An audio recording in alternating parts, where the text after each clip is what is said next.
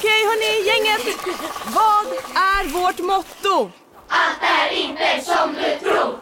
Nej, allt är inte alltid som du tror. Nu täcker vårt nät 99,3 procent av Sveriges befolkning baserat på röstteckning och folkbokföringsadress. Ta reda på mer på 3.se eller i din 3-butik. Som medlem hos Circle K är livet längs vägen extra bra. Just nu får du som ansluter dig 50 öre rabatt per liter på de tre första tankningarna och halva priset på en valfri biltvätt. Och ju mer du tankar, desto bättre rabatter får du. Välkommen till Circle K. Upptäck det vackra ljudet av McCrispy Company för endast 89 kronor. En riktigt krispig upplevelse. För ett ännu godare McDonalds.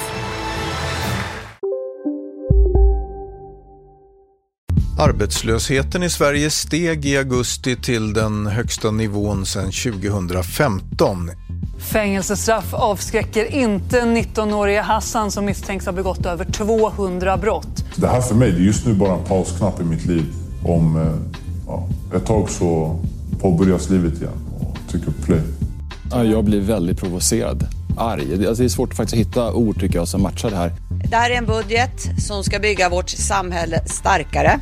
Bland annat så får polisen sitt största anslagsökning som den har fått i modern tid. Man lägger mer pengar på friåret än vad man gör till polisen. Ja, det som skulle bli EUs lägsta arbetslöshet år 2020 är istället stigande och högre än på länge. I själva verket ligger Sverige nu i EUs bottenskikt vad gäller arbetslöshet. Och hårdare tag och strängare straff, det är ju tidens melodi för de flesta politiska partier. Veckans Uppdrag granskning om 19-åringen som varit misstänkt för över 200 brott sedan 12-årsåldern har satt fart på debatten om den så kallade ungdomsrabatten igen. Hur ska samhället bemöta unga brottslingar? Och januaripartiernas första gemensamma budget lades fram i veckan. Ger den möjligen några svar på om hur regeringsunderlagets politiska vision, om det finns någon gemensam sån, ska uttolkas? Det är frågeställningarna vi ska borra i denna helg. Varmt välkomna till veckopanelen med Jörgen Wittfeldt.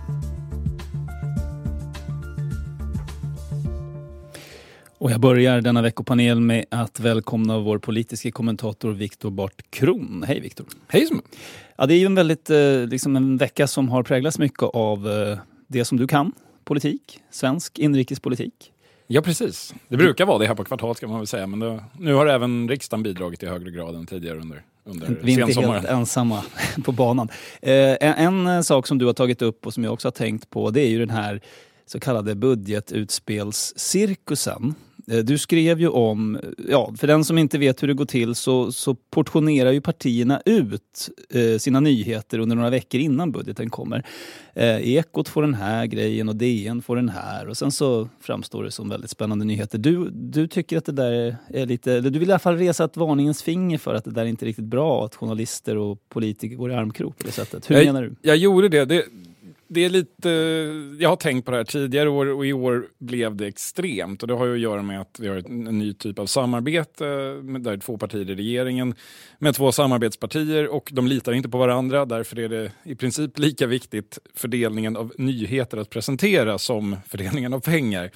Därför att man bryr sig så oerhört mycket om hur det här kommer ut. Och det här är ju ett, ett sätt att, eh, att jobba PR-mässigt från, från regeringspartierna som, som har funnits i svensk politik åtminstone 20 år. Men det blir bara värre med tiden. Alltså att man innan den hela budgeten eh, är, eh, presenterad, innan någon kan värdera den, så kommer det hela tiden, dagligen, flera gånger om dagen 200 miljoner till eh, vad vet jag, tre miljarder till det där och fyra miljarder till eh, ett staket. Nej, men det, det, det, är hela tiden smånyheter som inte har något sammanhang, som är väldigt svåra att värdera. Hur står det här i förhållande till tidigare år? Hur står det här i förhållande till andra kostnadsposter i budgeten?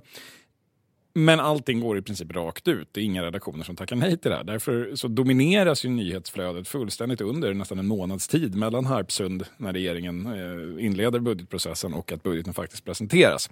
Och jag försökte väl säga att det här är, börjar spåra ur, det här är ingen riktigt bra metod. Eh, de stora redaktionerna beter sig som om de var förlängningar av pressavdelningen för regeringspartierna.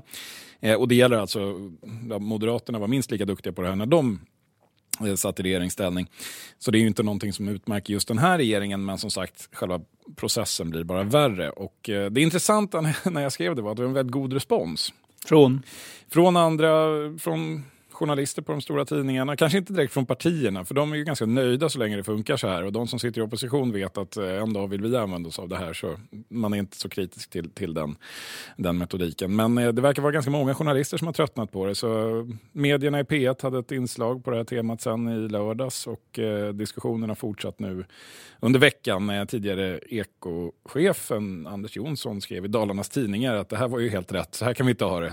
och det så, så uppenbarligen finns det en trött trötthet. Så om det, om det också får effekt till eh, nästa budgetsäsong, det får vi ju se. Men tror, tror du det på allvar? Hur ska det gå till? Jag tror kanske att det åtminstone kommer komma lite fler kritiska frågor. Jag hoppas det. Om man verkligen får, får hoppas att det kan leda till någonting. Så, så att, eh, att man slutar med de här nyheterna där man i princip bara rapporterar det informationspaket man har fått från, eh, från regeringen. För det är inte särskilt, eh, särskilt snyggt. Och det är klart att kommer det fler kritiska motfrågor, kommer det in mer nyhetsvärdering i det här, då kommer det kanske drivkraften att hugga upp budgeten i 50 olika beståndsdelar som sen säljs in styck, eh, styckvis. Att den, om den kanske då minskar så får man en, en rörelse, en dämpande rörelse åt andra hållet. Jag hoppas det, för jag tror inte att det, det, det blev parodiskt i år. Det, det, blev värre än jag trodde när jag skrev den här texten för två veckor sedan. Eh, och det tror jag nästan alla känner nu också. Vad kan vi mer säga om, om kvartalveckan? Ja, det är ju det. Eh, vi du släppte ju veckan med Viktor. Eh, det gjorde jag. Eh, nu här i, ja, idag, Ja, fredag. precis. Idag, fredag, när vi spelade in. Hur skulle handlar... du sammanfatta budskapet där? Ja, det handlar om Moderaternas försenade tonårsrevolt som eh, är väldigt modest och för vuxna. Det här med att man inte ska Eh, man ska inte avskaffa Systembolaget, men man ska utöka öppettiderna lite grann. Och man ska inte avskaffa public service, men man ska ha lite reklam och eh, för, smalna av det lite. Så det, det känns lite som så en, en MUF-kongress från 80-talet. Eh, men eh, de inblandade är äldre och det är ju i princip det det är. Eh, det är ju samma generation. Och det landar i att de kommer att behöva avskaffa Melodifestivalen. Det, ja, och det, det, skulle vara väldigt tråkigt för Moderaterna. Och det illustreras ju med några kul bilder som jag hade glömt. Bland annat Carl Bildt i ja, den här det är ju en, orm. Det, en spaning i förlängningen av det här är ju det att Moderaterna pratar nu om att man, man ska smalna av public service och att um, Eh, SVT ska inte hålla på med sån bred underhållning. Och problemet är ju att det finns ingenting som binder samman det moderata partiet rent socialt så mycket som Melodifestivalen. Det är liksom, de senaste partiledarna, liksom, från Bildt fram till Batra och Kristersson, de är alltid där på finalen och de har spexiga outfits, de viftar med ballonger och när det är partistämma så är det alltid Charlotte Perrelli eller Linda Bengtzing eller något sånt där. Det, det, de, de älskar det där. Och jag vet inte om de har tänkt på att de håller på att mörda sin, sin främsta kulturella hobby. Om de skulle göra det, vad skulle de säga om tio år då tror du? Vi har varit naiva. Okej. Okay. Eh, tack så mycket Viktor. Tack. Dags att säga välkommen till veckans panel som består av följande personer. Marika Lindgren Åsbrink, socialdemokrat, eh, utredare på LO och dessutom nu sedan en kort tid tillbaka analyschef på tankesmedjan Tiden. Välkommen! Tack så mycket. Henrik Mittelman, skribent, krönikör, föreläsare om ekonomi, tidigare analyschef på banken SEB, eh, fri skribent som eh, är känd för de flesta inom sina krönikor i Dagens Industri. Välkommen! Tack så mycket! Och Fredrik Hage, politisk chefredaktör på Smålandsposten som väl har beteckningen kort och gott moderat. Jajamän, det är tack. Korrekt. Innan vi går in på dagens huvudämnen brukar vi skanna av några av eh, veckans nyheter lite mer kortfattat. Kanadas premiärminister Justin Trudeau har hamnat i blåsväder för en 18 år gammal bild från en maskerad där han klädde ut sig till Aladdin, en av karaktärerna i Tusen och en natt. Och som en del av utklädningen hade han bland annat målat ansiktet mörkt, något som är kontroversiellt på grund av den rasistiska traditionen som framförallt har funnits i USA som kallas för blackface. Går ut på att klä ut sig till nidbilder av afroamerikaner i syfte att häckla denna folkgrupp. Så här lät det när Trudeau bad om ursäkt för sin 18 år gamla bild. Darkening your face uh, regardless of the context or the circumstances, is always unacceptable because of the racist history of blackface. I should have understood that then, uh, and I never should have done it. Eftersom jag vill vara lite motvall så måste jag ändå fråga, är det rimligt att behöva klä sig i säck och aska för en, en maskerad för 18 år sedan? Vad tycker panelen?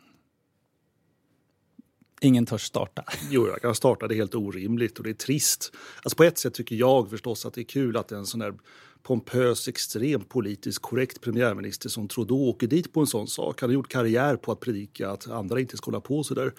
Samtidigt, om man blir upprörd över det här, då spelar man ju med i det här absurda spelet och alla ska hitta rasism i varje kryphål som amerikanerna håller på att exportera till oss. Samtidigt finns det ju en rasistisk tradition då uppenbarligen som just eh, som, som går ut på det där. Ja, men, men inte i Kanada. Okej, okay. eh, men, men det, jag blev förvånad över att han var så oerhört ångerfull. Jag undrade nästan vad han hade gjort eh, innan jag förstod sammanhanget. Vad tänker du Marika om, eh, om det här? Jag tycker att det är olämpligt att, eh, att, ja, att använda sig av blackface eller liknande. Eh, men, men visst, man kan ju kanske ifrågasätta proportionerna. Ehm, det är någonting som ligger långt tillbaka i historien och ehm, det är inte det som kanske är den mest brännande politiska frågan i Kanada just nu. Så. Men det är absolut olämpligt att han, att han gjorde det och själva fenomenet är olämpligt tycker jag oavsett kontext. Men om, jag tänker ändå om, om man vill klä ut sig till någon man beundrar. Så att säga. Det kan vara allt från, från Michael Jackson till, eh, till Robinho eh, som då råkar ha mörk hudfärg. Henrik, vad, vad blir liksom konsekvensen av detta? Uppsåtet är väl ändå det viktiga, tänker jag? Eller?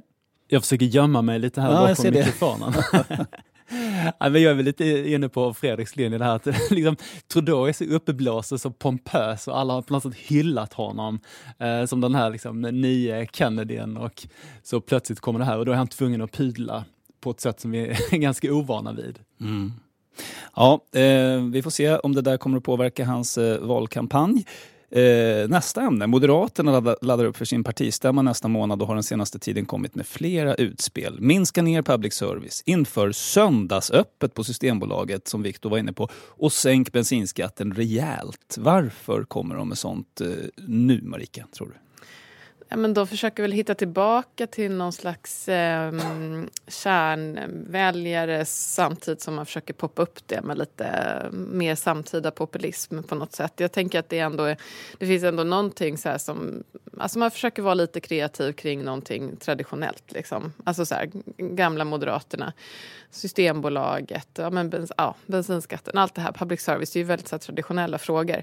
Sen kan jag hålla, hålla med om att det finns något lustigt i att det liksom är lite vem har egentligen ens frågat efter söndagsöppet på Systembolaget? Nej, alltså, det... Det, det, är ju inte, det, det, är ju verkligen en stor skillnad mot att vilja avskaffa monopolet och mm. att tänka att det ska även vara öppet på söndagar. Det tänker jag sådär, och då, är, då blir det ändå lite ljummet på något sätt och lite lustigt. Liksom, mm, det gick för Viktor att göra sig lustig över i alla fall. Eh, Fredrik, vad kommer härnäst tror du? Gratis glass till alla barn på måndagar? Nej, det tror jag inte. Det, Moderaterna brukar säga att det finns ingenting som en fri lunch. Jag tror inte att de vill ha fria glassar heller. De vill alltid att de ska betala så att det blir synligt. Mm. Men sen tror jag för att man, jag, jag skulle nog vilja modifiera Marikas tes där. Att jag tror inte att det är populism så mycket som liberalism. Jag tror att det är så att Moderaterna känner att nu är de tvungna att gå så pass hårt fram med, med invandrarstopp och batonger mot brottslighet. Så att det är snarare så att den liberala väljarna som måste få några köttben. Och jag tror att det är det ljuset man ska se det här. Så att inte de känner att partiet håller på att glida iväg i någonting som de är obekväma med. Mm, intressant. Eh, Henrik, den tidigare amerikanske tidigare polischefen Rick Fuentes kom hit i veckan för att ge råd om hur gängvåldet kan bekämpas mer effektivt. Han verkade häpen över en del inslag i det svenska gängkriget. Granater och sprängmedel framförallt. Jag har har jobbat inom polisen i 40 år och jag har aldrig hört eller sett något liknande, sa han. Vad, hur reagerade du på det? Ja, men jag kom faktiskt att tänka på den här intervjun som, som du gjorde med eh, polisprofessorn Stefan Holgersson mm. eh, på en fredagsintervju för några veckor sedan. Eh, där han ju ifrågasatte den här New York-metoden.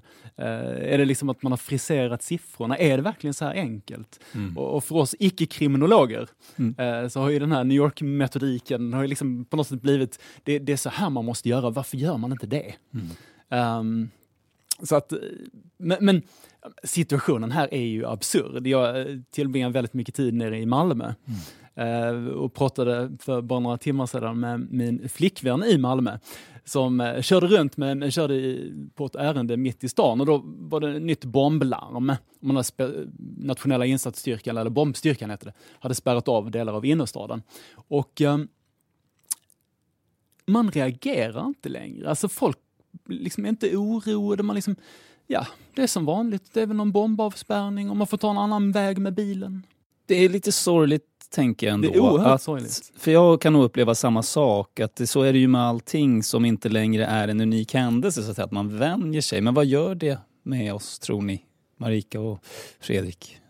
Det skapar ju en stor rädsla och en otrygghet hos människor. Eh, och det är befogat. Um, därför att det är absurda saker som händer och liksom stor dramatik med gigantiska konsekvenser för de människor som blir utsatta. Vilket ju liksom vi ser också att det slår, det drabbar ju helt oskyldiga personer. Utomstående verkligen. Helt utomstående mm. och då betyder det också att det, på något sätt finns ju alltid risken att man bara råkar vara i närheten. Alltså, Um, ja, man råkar vara en förbipasserande. Det sker på dagtid. Alltså det sker i liksom, um, vilka delar som helst av stan och så vidare. Så att, um, nej men det, det går inte att säga annat än att det är djupt oroväckande och att det skapar en liksom, otrygghet i, i samhället hos breda grupper. Fredrik, hur viktigt tror du det är huruvida människor känner att politikerna har en idé om vad, hur detta ska bekämpas som känns trovärdig? Det är väldigt viktigt naturligtvis. Därför att har de inte det så, så kommer ju all den här, all den här vanmakten och, och, och skräcken att så att säga gå ut var som helst. Och det där är, aldrig, och det där är ju aldrig bra. Eller rättare sagt, det, det kommer ju gå det kommer ju kanaliseras politiskt i, i, i termer av vrede snarare än något konstruktivt. Eh, och samtidigt är det ju sådär, man, man hör de här, alltså, ena statsrådet och partiledaren efter den andra som förklarar hur upprörda och hur förbannade de är nu måttet rågat och så vidare. Det blir ju tröttsamt efter ett tag. Mm. Det är uppenbart att de är politiskt impotenta därför att de vill framhäva sin emotionella reaktion istället. För att säga det här, så här ska vi göra. Så här, ja, men jag, jag är så upprörd, jag är så förbannad och så vidare. Så deras personliga uh, upprördhet ska på något sätt spela roll och kompensera för att de egentligen inte klarar av att göra något politiskt. Mm. Efter ett tag kan man tycka att de kan lika gärna visa bilder på sig själva, de är röda i ansiktet, så vet vi att de är upprörda. Men, vi saknar ju fortfarande det där som vi hoppas kommer ur samtalen idag om gängbrottsligheten. Mm. Vi ska återkomma till ämnet som du mycket riktigt eh, antydde. Sista kortämnet. Krigsrisken runt Persiska viken har ökat betänkligt efter att en av Saudiarabiens oljeanläggningar attackerades och mycket pekar på att Iran eh, har någonting med det här angreppet att göra. Och så här svarade USAs president Trump på frågan om ett amerikanskt angrepp på Iran står för dörren. It's very easy to go in. We could go in in one instant, just one phone call. We could go in, and we'll and that might happen. That might happen. Ja, som vanligt lite mångtydig i sina svar. Marika, vad säger du? Hur, är du orolig för att det ska bli krig helt enkelt? Alltså, ja, jag vet inte i den här specifika situationen men det är ju väldigt mycket som i hela världen som känns väldigt som att det står lite på kanten och väger. Liksom. Så att ja, det Tyvärr kan ju mm. otäcka saker hända när som helst. Nej, men det är som kokar lite överallt. Mm. Ja, det är lite skrämmande tider. Henrik eh, Trump har ju faktiskt då gjort en poäng av att USA ska sluta vara världspolis. Att säga, han ska inte vara så trigger happy. Har han levererat på det så här långt, eh, tycker du? Jag tycker nog att man anklagar Donald Trump för att det finns liksom ingen uh, röd tråd i hans utrikespolitik generellt. Men man kan gå tillbaka till den här famösa Playboy-intervjun från 1990 där han tydliggör att om han blir president en vacker dag så ska han se till så att det inte rullar några tyska och japanska bilar på gatorna på Manhattan. Mm. Och det är väl det som liksom präglar hans utrikespolitik så här 30 år senare. Eh, han har för ett liksom handelskrig mot Kina. Han vill liksom isolera USA mer och mer och tycker att alla som exporterar mer till USA än, än, vad, än, än vad USA importerar, eh, eller förlåt, alla som alltså har handelsöverskott mot USA, eh, utnyttjar landet. Och det är hans syn. America first. first. Mm. Eh, Fredrik, du får sista ordet i den här frågan. Eh, ska man vara rädd för att det blir ett krig i den här regionen och vad det kan leda till har vi ju sett tidigare. Jo, jo, men det är klart att det ska man nog vara. Men jag tror så här att jag håller med Henrik om att Alltså det är inte så populärt att säga det i Sverige, men det finns ju bra saker med Trump. Och en av dem är ju att han vill verkligen inte ha krig. Och, och det har han verkligen visat. Han har gått emot många i, i sitt eget parti i kongressen när han har tagit hem trupper och gjort ganska mycket för att verkligen hålla USA utanför konflikt här. Han vill inte det. Så att om det är så att, eh, att det blir krig här, då är det i så fall, ska man veta, mot den amerikanske presidentens vilja. Mm. Jag tror att det ska väldigt mycket till innan det faktiskt kommer att hetta till på allvar, för han vill inte ha det här. Vi ger oss därmed på dagens första ämne.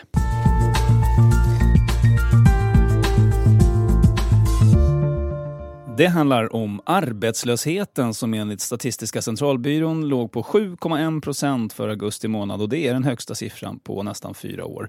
Detta ett år före det att Stefan Löfvens omtalade mål om EUs lägsta arbetslöshet skulle bli verklighet. Vi kan väl börja med att lyssna på hur det lät när Stefan Löfven formulerade detta vid S-kongressen i Göteborg 2013. Sverige har idag högre arbetslöshet än de flesta jämförbara länder ute i Europa. Vänner, det är inte så här vi vill ha det i Sverige. Och det är inte så här vi ska ha det i Sverige. Och därför sätter jag upp, här och nu, ett nytt mål för sysselsättning som ska gälla när vi är i regeringsställning 2014. Målet är att Sverige inom sex år ska öka antalet människor som arbetar, ska öka antalet arbetade timmar i ekonomin så mycket att vi har lägst arbetslöshet i EU. Det ska vara vårt mål. Mm, Henrik Mittelman, vad var det som hände? Ja, det blev ju inte riktigt så. Nej. Överhuvudtaget. Uh, och nu stiger arbetslösheten, uh, uppe på över 7 procent just nu. Uh, sysselsättningen faller. Men jag tror man ska dela upp det i två delar, konjunktur och struktur. Konjunktur är en sak. Konjunkturen går upp och den går ned. Just nu går den ned. Och det handlar mycket om att Kina bromsar, och sen så har vi lite tullproblematik och folk är lite, tvekar lite vad gäller bilköp och då går det dåligt i Tyskland. Och när det går dåligt, dåligt i Tyskland så går det även dåligt i Sverige. Så att konjunkturen dyster. Och då stiger arbetslösheten. Men tror, det viktiga här är struktur. Och där har vi ett jätteproblem. För att vi som råkar vara födda här i landet, vi har jobb. Arbetslösheten bland infödda svenskar är 4 Och har man dessutom någon form av, som det kallas, eftergymnasial utbildning, så finns det ingen som helst arbetslöshet. Sen har vi de som är födda utanför landets gränser. Där är arbetslösheten hög. Och sen tittar man på de som är födda utanför Europas gränser där är arbetslösheten extrem hög i Sverige. Så det är den strukturella arbetslösheten enligt ditt sätt att se ja, det här? och det är den som jag tycker vi måste liksom adressera. Eh, arbetslösheten bland folk som är födda utanför Europa i Sverige är alltså 25 procent. 25 procent. Och då har ändå en rätt stor grupp av de som kom, kommit de senaste åren, de är inte med i den här matchen än.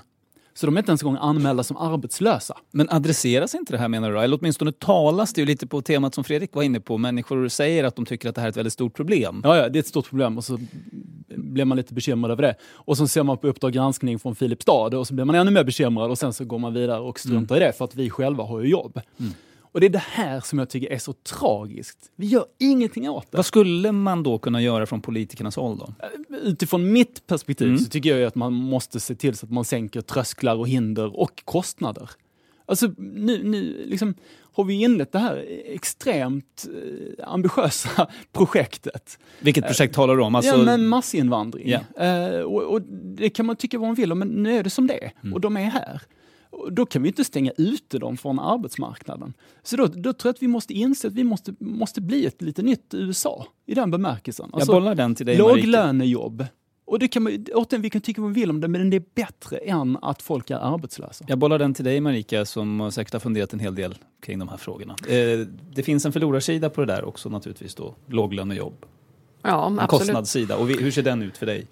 Nej, men alltså, eh, den, jag delar ju Henriks problembeskrivning. Alltså, ut, arbetslösheten handlar ju allt mer om um, födelseland och allt mer om utbildningsnivå. Det är ju inte exakt samma sak för att den här utvecklingen med att uh, arbetslöshet handlar allt mer om utbildning och de som då har in, liksom, låg utbildning. Det är ju en utveckling som pågått under lång tid. Um, Ehm, och det kopplas naturligtvis i högre till utlandsfödda, men det är inte hela förklaringen. Men eh, absolut, det, är liksom, det handlar mycket mer om utlandsfödda och det handlar om att de ofta har bristande kompetenser. Eh, sen, och det handlar också om... Ehm, det finns ju en risk i att det blir precis som Henrik är inne på, att det blir så här, vi mot dem. Eller det blir liksom inte en relevant fråga då eftersom väldigt stora delar av befolkningen inte upplever arbetslöshet hos sig själva eller i sin bekantskapskrets och så. Och det här är, ett, är liksom ett hot på lång sikt också mot sammanhållningen i landet och mot jämlikheten, mot liksom viljan att vara med och betala för den samhällsmodell som vi har i Sverige. Alltså solidariteten minskar ju. Alltså man har ingen lust att betala för en arbetslöshetsförsäkring om man inte tycker att den är relevant för att man inte känner någon som har den. Men liksom. om, om Henrik då föreslår låglönejobb, att han menar i stort sett att det är ett måste oavsett vad vi tycker om det. Vad tycker du? Alltså om det inte är ett alternativ för dig? Nej, men jag tror att den stora invandring som vi har haft kommer att innebära en press på lönerna eh, för vissa typer av jobb oavsett vad man gör politiskt eller fackligt egentligen därför att det handlar om rena utbudsmekanismer. Alltså det finns en stor det kommer till tillskott till arbetskraften som har liksom, eh, för låga kompetenser. Eh, och då pressar det lönerna. Så det är ett hot. Liksom. För jag vill ju inte se det eftersom det är andra som kommer dras med av det också. Mm. Det är ju den prislappen som du då är inne på i din fråga. Att liksom, det går inte att isolera de här eh, då, eh, låga lönerna till enbart liksom, de som har kommit till Sverige nyligen. Utan det kommer alltid finnas spridningseffekter. Fredrik Hage, eh, man har ju ändå försökt med etableringsjobben. Det är ju en Mm. sån idé då mellan parterna. Eh, Jo, men det Håller där- du med Marika om att det, in- det kommer att sprida sig till andra Jo, det kommer sprida sig till andra, men fortfarande, alltså Henrik har ju i grund och botten rätt att det, vi har en definierad grupp här som, som är ganska stor och som kommer ta den absolut största delen av smällen i den här eh, lågkonjunkturen. Eh, Och jag håller också med om att, att, eh, att ta bort trösklarna och, och införa låglönejobb i, kommer ju mildra det här. Men även om det vore politiskt möjligt undrar jag om det skulle räcka. Det är jag inte alls säker på. Så vad gör att- man då, då, om ja, inte det räcker? Jag vet, jag vet faktiskt inte. Alltså det vi har, vi har skapat ett problem som vi eventuellt inte kan hantera fullt ut här. Men jag tror ändå att man måste se att det är en hanterbar situation. Det är absolut en stor utmaning. Det är inte omöjligt att göra någonting åt det. Etableringsjobben är en del av svaret och det handlar ju trots allt om att höja kompetensen. Alltså att göra det möjligt för, den här, för, för vissa delar av de här grupperna att, att kombinera jobb och utbildning. Eh, staten tar en del av kostnaden så att det inte liksom, det blir inte en hela kostnaden för arbetsgivaren. Eh, det är en väldigt bra och liksom väldigt så här, eh, kompromiss eh, mellan olika intressen. Eh, jag tror att man skulle kunna skala upp det. Liksom. För att i grunden så tänker jag att det som har byggt svensk eh, tillväxt, svensk produktivitet men också den svenska jämlikheten som ändå många människor slår vakt då, om, det är ju att man inte har tillåtit en stor lågproduktiv sektor i ekonomin.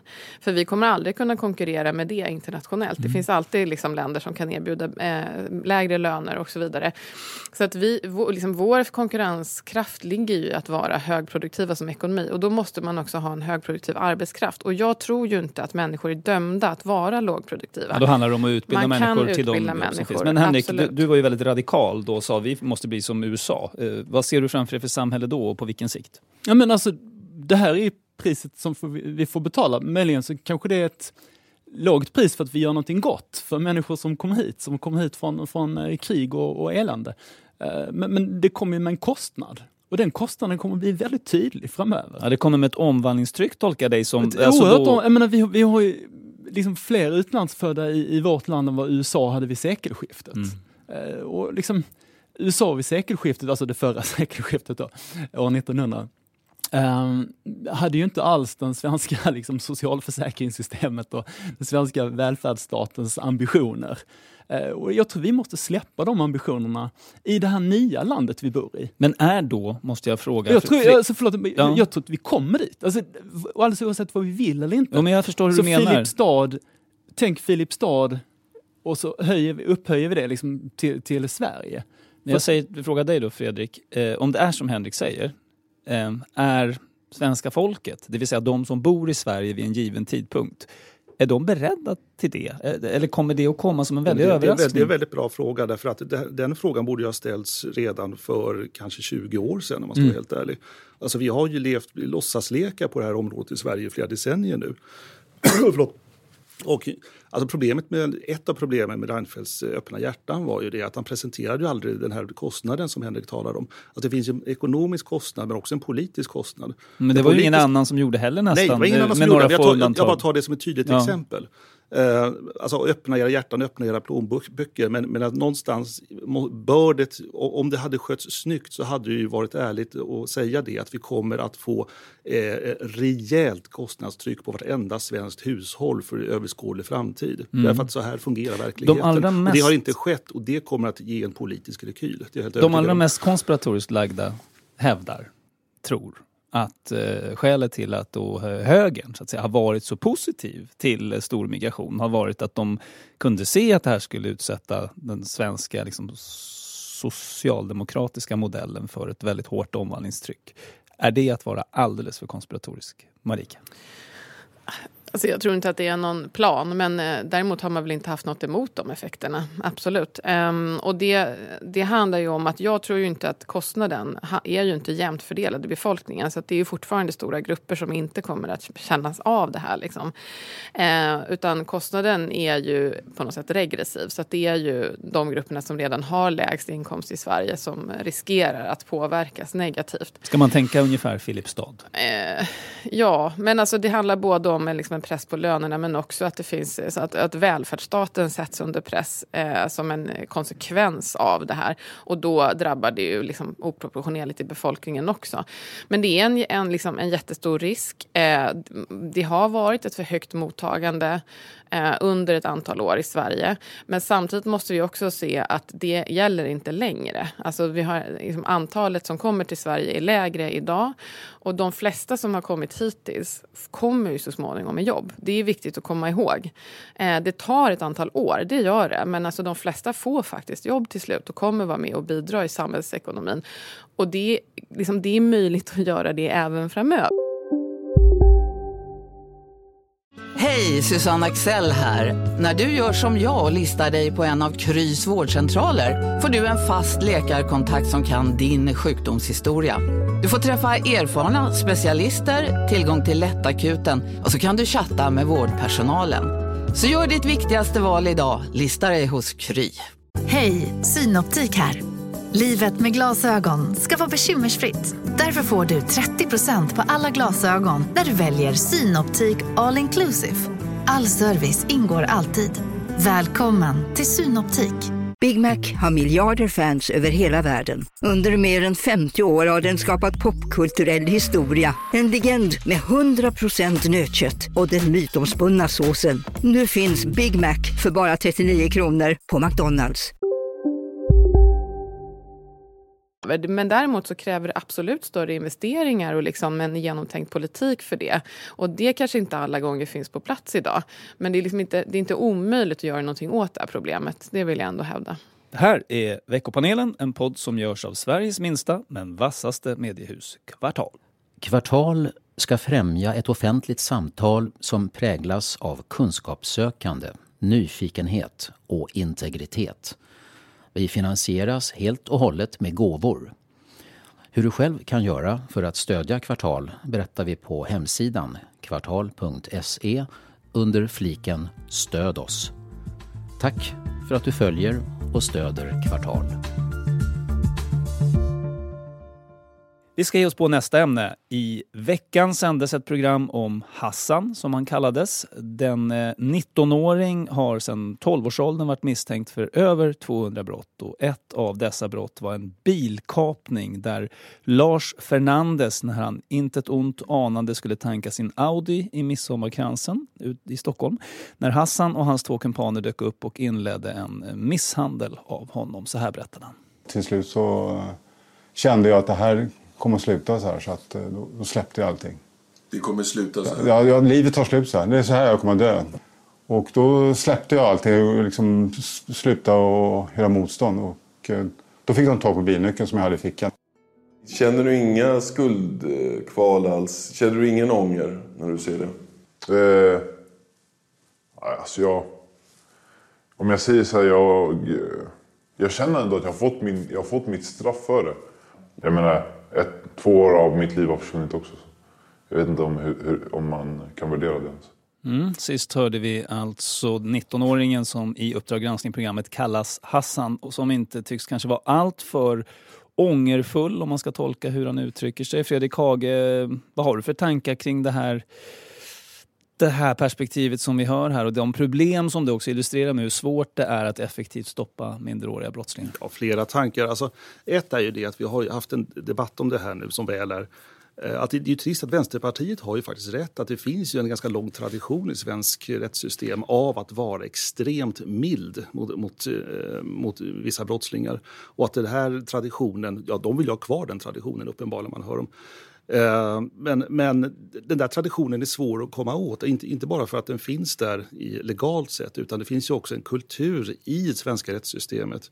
I det att svenska domare har för vana att eh, alltid söka sig till förmildrande omständigheter för en brottsling. Och varför har de det då? För ja, det, det, är en väldigt bra, det är en väldigt bra fråga. Alltså här kommer vi åt någonting som är väldigt svårt. Alltså därför att det här är ju ett slags sociologiskt problem. Vi, de, de får, det ligger någonstans i väggarna, antingen i utbildningen eller i i, i eh, hovrätterna. Och, och, att göra någonting åt det, jag vet faktiskt inte. Det här, måste, det här måste professionen själv svara på, för det är ett problem. För om inte annat så blir det så som jag tror att det var någon eh, moderat justitieminister som sa att enda svaret på det där, om de alltid lägger sig i det lägre straffsatsen, det måste ju vara att höja straffsatserna så att de inte kan lägga sig för lågt. Och så kommer det en riktig hardline-domare som Ja, ja, plötsligt visst. dömer någon för snatteri till Ja, åtta visst. års fängelse. Eh, Henrik Mittelman, ehm, det som var påfallande när man såg det här programmet var ju hur handfallen den svenska socialstaten tycktes vara inför en minderårig person som betedde sig så djupt destruktivt som han hade gjort under lång tid. Varför är det så tror du? Jag, jag blev så bestört när jag såg det här programmet. Eh, det sätt som vi, samhället, hanterar de här frågorna. Det är ju absurt att vi tillåter detta. Men ändå verkar det, som, lite som Fredrik är inne på, det finns en Men vi tradition vill ju väl, vi är så snälla och godtrogna och hoppas på det bästa. Och han fick ju massor med chanser hela tiden den här pojken. Mm. Eh, och han bara fortsätter sin brottsliga bana och verkar inte ångra någonting. Kan det ligga något i det som de sa på det här hemmet Klarälvsgården att i nio av tio fall så funkar det här? Alltså människor kommer hit, de är motiverade och de får faktiskt en förändring i sitt liv och, och slutar vara kriminella. Ja, det vore ju fantastiskt om det är så. Men jag tror också att Återigen, jag är som bekant ingen kriminolog. Medborgare. men, medborgare. Men, men det är också intressant att i Sverige är det en, en sanning att straff inte spelar någon större roll. Mm. Det, det gör liksom varken till eller från och det, det hjälper liksom inte till. Förutom att hålla, hålla eh, brottslingarna inne så de slipper vara på gatan. Och det, bara en sån sak är ju ganska trevlig för oss andra, att den här killen sitter inne. Um, men så jag undrar, är den där sanningen korrekt? Spelar straff ingen roll för benägenheten att begå brott? Och där tycker jag det var spännande, jag pratade med en riktig kriminolog som sa att ja, men alltså, det finns forskning som tyder på att det kanske är bra med högre straff. Mm. Inte bara för att hålla de kriminella inne i, i fängelse, utan också i, avskräckande syfte. Den forskningen kanske då inte har eh, åberopats så mycket just i den svenska debatten i alla fall. Precis. Marika Lindgren Åsbrink, eh, ja vad tänker du om ett, ett sånt här fall? Nej, men jag är inte heller kriminolog, men det finns, ju, eh, det finns ju mycket forskning som säger att alltså, det är inte så enkelt att hårdare tag eh, faktiskt minskar brottsligheten. Och det tycker jag ändå är ganska viktigt att ta fasta på. För egen del så tänker jag att uppklarningen eh, kanske är mer central än strafflängden. Alltså det är ett problem, det där ser ju väldigt olika ut för olika typer av brott, men alltså det är ett alltså alla som begår brott ska ju liksom fällas för det och straffas för det. Eh, och om sannolikheten att inte bli fälld är särskilt hög så eh, är det inte särskilt avskräckande i sig. Så det tycker jag kanske är viktigare. Sen finns det ju liksom, så här, grejen är, det finns ju inga enkla svar, varken på hur man gör det eller på hur man, eh, eh, ja, hur man generellt liksom förhindrar brott eller hur man gör med en person som Hassan. Det tror jag absolut att det ligger mycket i. Att det finns metoder som kan fungera på alla möjliga sätt när liksom det sociala brister. Eh, men det fungerar inte för alla människor. För att om det var så enkelt så skulle vi inte ha några problem idag. Alltså det är ju ingen människa i Sverige som tycker att det är rätt att människor ska kunna vara misstänkta för 200 brott. Eller Nej, nu det är väl mer frågan om... Alltså alla är ju emot detta. Liksom. Så Ja, det, är, men det är det handlar mer om om- att det är svårt att göra någonting åt. Ja, Tror jag. men avvägningen mellan eh, potentiella brottsoffers rätt att gå trygga på stadens gator och eh, den här brottslingens rätt att få en rehabilitering som då möjligen fungerar bättre än att bara bli inlåst. Den balansen, Fredrik Hage, där ligger ju Sverige, upplever jag i alla fall, ganska långt, eller har legat länge. Att det är rehabiliteringen för brottslingen som står i fokus och allmänheten får finnas i att då ibland riskera att råka ut för något som Lars Fernandes gjorde i det här fallet. Jo, och det där är också, då är vi också inne på det här kulturella eller sociologiska, att vi har ju en sån tradition inom de rättsvårdande myndigheterna och, ska man väl tillägga, i, i det kriminologiska skrået. Eh, men, men jag tycker man kan ju uppmärksamma eh, till exempel en kriminolog som, som Fredrik Kärrholm som skrev i förrgårdagens eh, Svenska Dagbladet var det väl. Han påpekar det att det finns i nästan alla länder så är det en väldigt liten del av alla brottslingar som står för en väldigt, väldigt stor del av alla brott.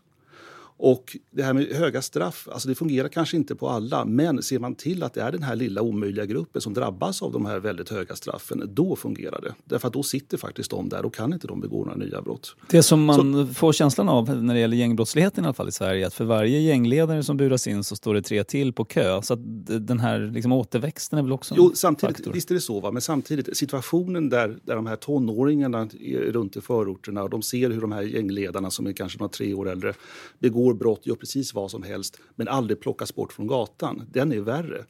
Rimligtvis måste man ändå börja med att de upplever att det kostar någonting att begå de här brotten och följa det här spåret. Det vill säga att de här tuffa killarna försvinner faktiskt och det händer någonting. Det, blir, det blir faktiskt någon slags reaktion från samhällets sida. Idag verkar det inte vara så.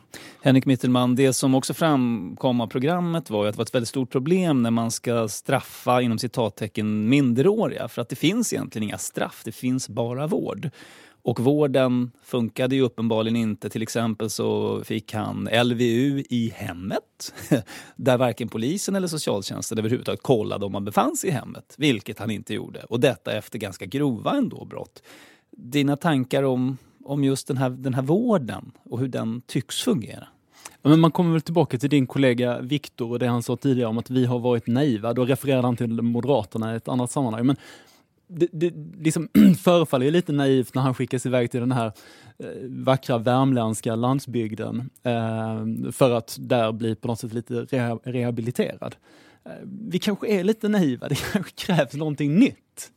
För det är en ny situation. Och det, det är en ny situation i Sverige på så många olika plan. Då måste vi vara lite radikala. Vi kan inte bara vara radikala på ett plan. Marika, man brukar ju ofta hålla fram USA då från, från vänster i alla fall och säga ja om det vore så effektivt med eh, hårda straff så skulle ju USA vara jätte, eh, illa, eller jättebra när det gäller brottslighet, vilket det ju inte är. Är du orolig för, det finns ju en otrolig tyngdpunkt på repressivitet nu. Pendeln svänger fort eh, och nästan alla partier eh, är för det. Ja, men jag kan ju vara lite orolig för att det kanske inte kommer ha så stor effekt. Alltså det finns ju inget egenvärde i att vara radikal om det inte har någon effekt, eh, menar jag. Alltså, Um, vad gäller ungdomsbrottslingar så är det ju ändå så att om man försvårar deras möjligheter att leva ett vanligt liv, det vill säga om man försvårar deras möjligheter att fullfölja sin skolgång eller liksom etablera sig på arbetsmarknaden, då ökar ju risken för att de långvarigt kommer befinna sig i brottslighet. Så det måste man ju ändå liksom ta in i bilden när man tänker på vilka åtgärder man ska sätta in för väldigt unga personer som begår brott. Eh, sen finns det säkert en massa ineffektiv rehabilitering och vård också, det, har jag liksom, det säger jag ingenting om. Um, men jag tycker att man måste ha det här långsiktiga perspektivet för det är trots allt inte, alltså det vore helt orimligt att ha liksom livstid för varenda förseelse som människor kan begå. Eh, utan man kan ju liksom, så att, jag menar, det kommer alltid finnas så att människor begår småbrott och sen även om de blir fällda för det så kommer de tillbaka ut i verkligheten. Och då måste de ändå ha en rejäl chans att faktiskt kunna leva hederliga liv. Mm. Och då spelar det ju roll liksom, vilken skolgång har de, vilka möjligheter har de på arbetsmarknaden och så vidare. Jag hade en diskussion med en god vän igår där vi liksom mindes vår egen, eh, våra egna tonår och de här riktigt värsta killarna då som begick småbrott och som var uppenbarligen på väg åt fel håll både han och jag kunde konstatera att de flesta av dem, de har nu vanliga jobb och det, det liksom, de är medborgare. Alltså, det ligger väl något Fredrik då i vad Marika säger, att vi ser de här som helt förtappade men, men det, de är inte, deras hjärnor är inte färdigutvecklade och ja, deras liv kan fortfarande vända. Nej visst, som sagt det är nio av tio men det är fortfarande den här tionde. Och det, det, kanske är så att dina kompisar där var några av de här nio istället. Förmodligen. Och, Annars hade de inte jobbat ja, på PR-byrå eller, precis, eller precis. drivit städföretag. Sen, sen, bara för att kommentera det faktiskt så som Kärrholm återigen skriver att brottsligheten sjunker i USA. Och till viss del åtminstone beror ju det på att man bommar in dem. Sen också vill jag, vill jag, vill jag säga att diskussionen måste ju nu när vi talar om hårdare tag, att pendeln svänger. Alltså allt, det där är ju relativt. Hårdare tag i förhållande till vad? Alltså hårdare tag i förhållande till en situation som råder i världens snällaste land. Det kanske inte är speciellt hårdare radikala tag, det kanske är normala tag. Så det är mindre mjuka tag bara? Exakt. Mm. Eh, avslutningsvis när det gäller den här diskussionen, det, det som, då, som har bäring på fallet Hassan som man nu diskuterar är att slopa den här så kallade ungdomsrabatten för unga då mellan 18 och 20 år. Henrik Mittelman, vad, vad tror du, är det rätt väg att gå? Så att säga? Jag blir bara förvånad när han blev dömd till var det 30 månaders 31 fängelse, månaders 31 fängelse. och han släpptes ut efter två. Ja men det var ju först var det ju ungdomsrabatt, Ja, sen var var det, det halverings- ju eh, mängdrabatt Nej, och sen var det två tredjedels eh, frigivning. Och då tror jag det blev två. Ja, det blev två Ja, så från 31 till 2. Jo. Så, så möjligen kan vi göra någonting åt det. Mm. Vad säger ni andra? Eh, slopad straffrabatt, för det första, kommer det att hända? Två, kommer det att hjälpa? Vad säger Marika? Nej, jag tror att det är som sagt, kan, jag, tror att det kan, jag tycker att det kan finnas rimlig, eh, nå- någon typ av straffrabatt. Jag tycker också att det låter orimligt att gå från 31 månader till 2. Alltså faktiskt, det, Mm. det tycker inte jag, ja det kan man ju se över lite. Ehm, nej men det verkar väl, ehm, nej men vi går väl i riktning mot att det blir hårdare tag och en del av det kan säkert behövas liksom. Mm. Vad säger Fredrik? Ja, Kommer det hända? Kommer det hjälpa? Ja, det vore konstigt om de här samtalen som pågår just nu inte leder till att de här grejerna åtminstone reformeras i rätt riktning. Sen huruvida det hjälper, ja det är en annan sak. Det är ett isberg vi talar om just nu. Vi ger oss på veckans tredje och eh, sista ämne.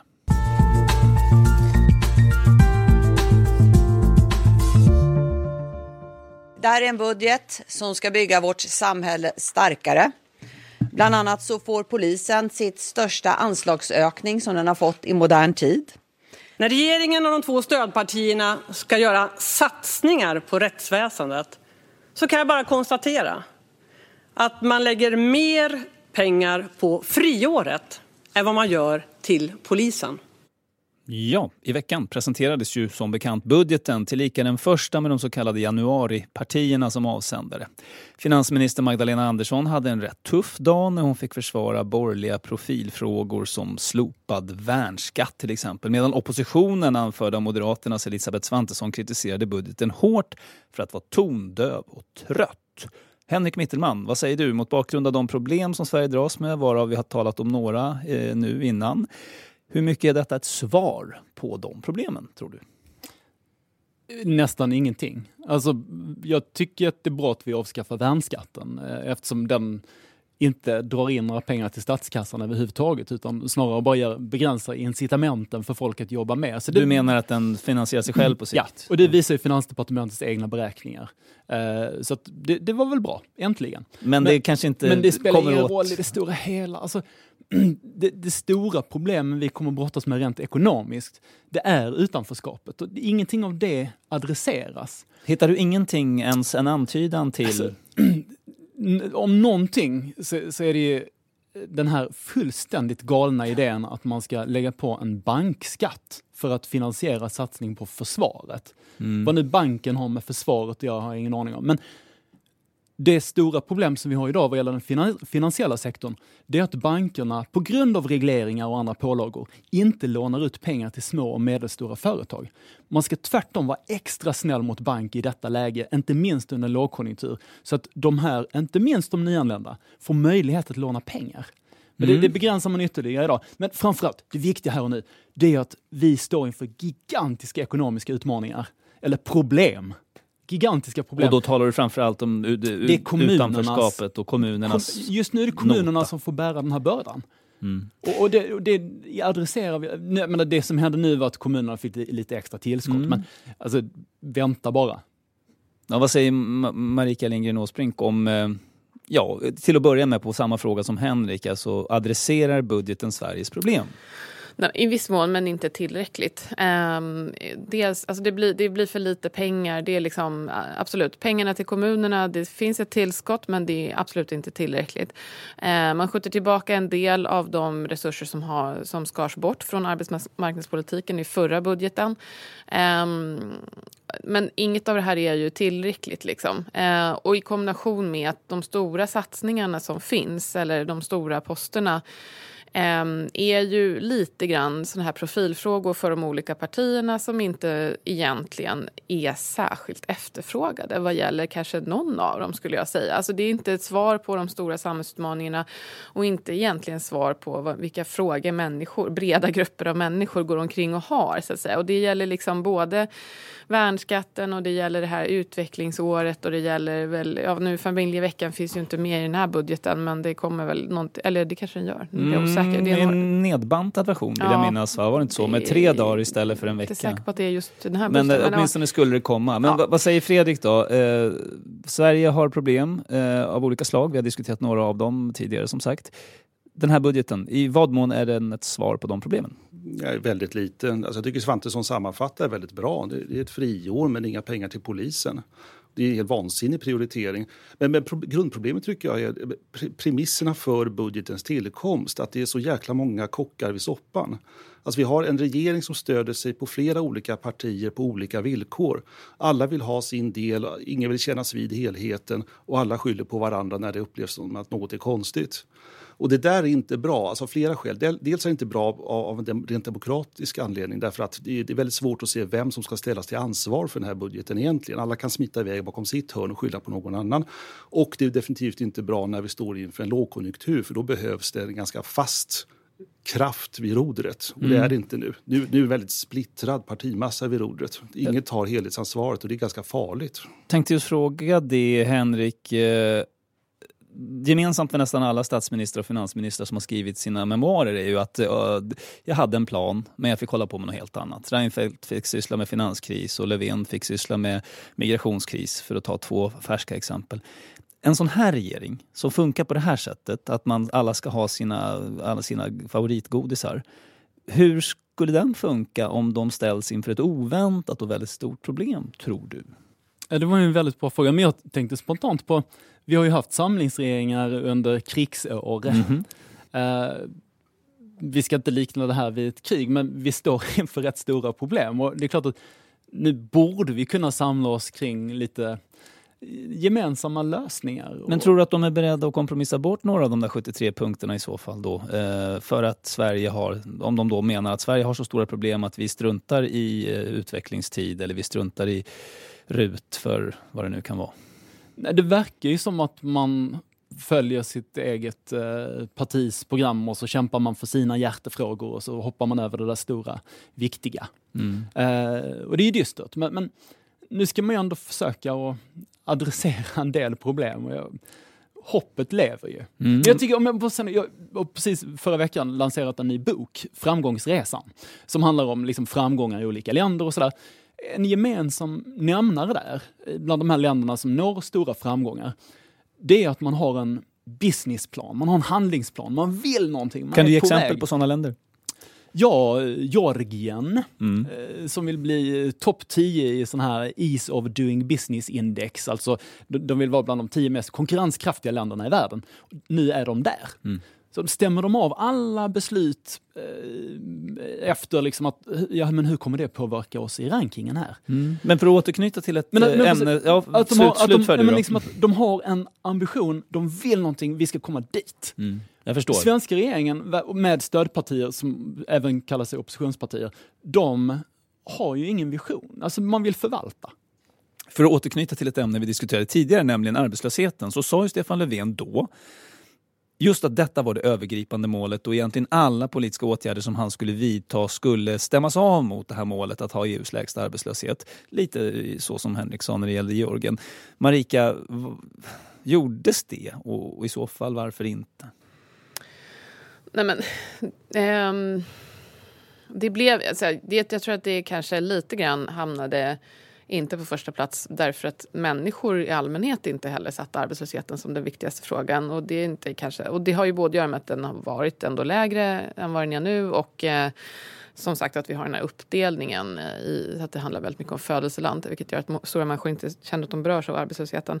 Um, men alltså, jag tror att absolut att det ändå finns ett problem idag på det sättet att en, den, den regering som regerar och de med, tillsammans med samarbetspartierna, de har inte ett gemensamt projekt. Liksom. Inget? Ehm, Ja, ett har de väl och det är ju att, säga, att hålla Sverigedemokraterna borta Ja. från eh, maktens köttgrytor, får man väl ändå säga. Det är väl det som sammanför dem. Men det är ju inget liksom, projekt som rör utvecklingen för Sverige. Ja. Nej, men så här, jag håller inte heller helt med om att det handlar bara om förvaltning. Utan en del av förslagen i januariavtalet är ju väldigt radikala. Men det blir ändå en så märklig logik när var och en ska sl- slåss för sin hjärtefråga. Eh, och jag tror också att det är väldigt svårt att såklart omfördela eller omf- om, om, eh, förhandla ett, ett, det här avtalet som finns. Men det skedde under hast. Det är liksom inte kanske särskilt berett egentligen. Eh, men börjar man ryck, rucka på en punkt så är det plötsligt alla bollar i luften och jag tror inte att det är någon som riktigt orkar det. Liksom. Så att, eh, jag tror att det finns goda skäl att se över en hel del av de här centrala punkterna. Fredrik, Men eh, eh, det är tveksamt om det kommer hända. Eh, alltså hur djup skulle, eller akut skulle krisen behöva vara, tror du, för att regeringens och dess stödpartier skulle kasta 73-punktsprogrammet eh, i sjön och börja från, från noll, så att säga?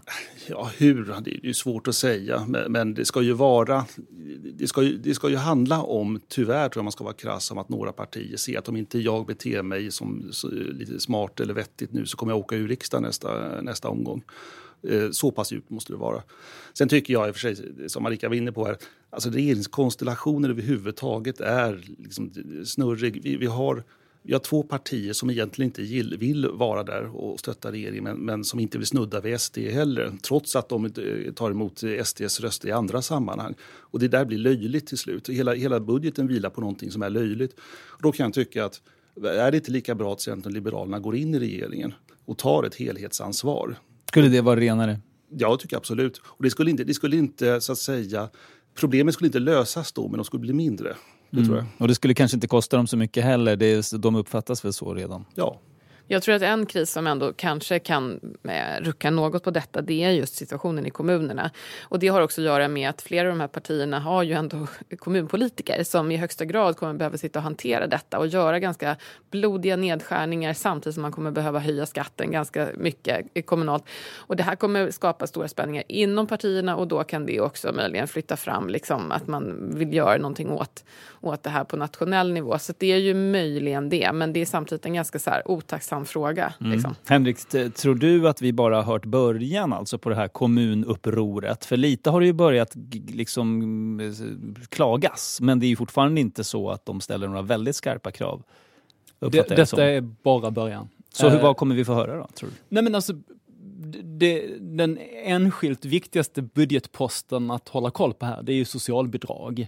Eh, kommunernas socialbidrag. Och de, de accelererar utbetalningarna i en hel del kommuner just nu. Eh, och precis som Marika är inne på, alltså, hur ska de klara av detta? Eh, Vilka hjältar de här kommunpolitikerna är som, som pallar hålla på med detta på sin fritid.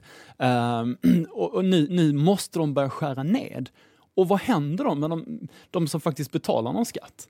En- vad, vad händer med skatteviljan? Vad liksom, det här jag, det här är den avgjort viktigaste frågan under de kommande åren. Det var en småländsk kommun, jag tror att det var Hultsfred men jag är inte helt säker, som eh, någon gång för några år sedan sa att eh, om du flyttar till vår kommun och behöver socialt bistånd så kommer du inte få något.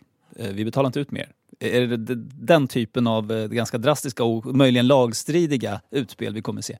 Ja, men bara det, det finns eh, väldigt enkelt googlingsbart. Eh, Filipstad socialbidrag de senaste 20 åren. Eh, de har haft ungefär samma medborgarantal, alltså det är ungefär 10 000 människor, har varit det i 20 år.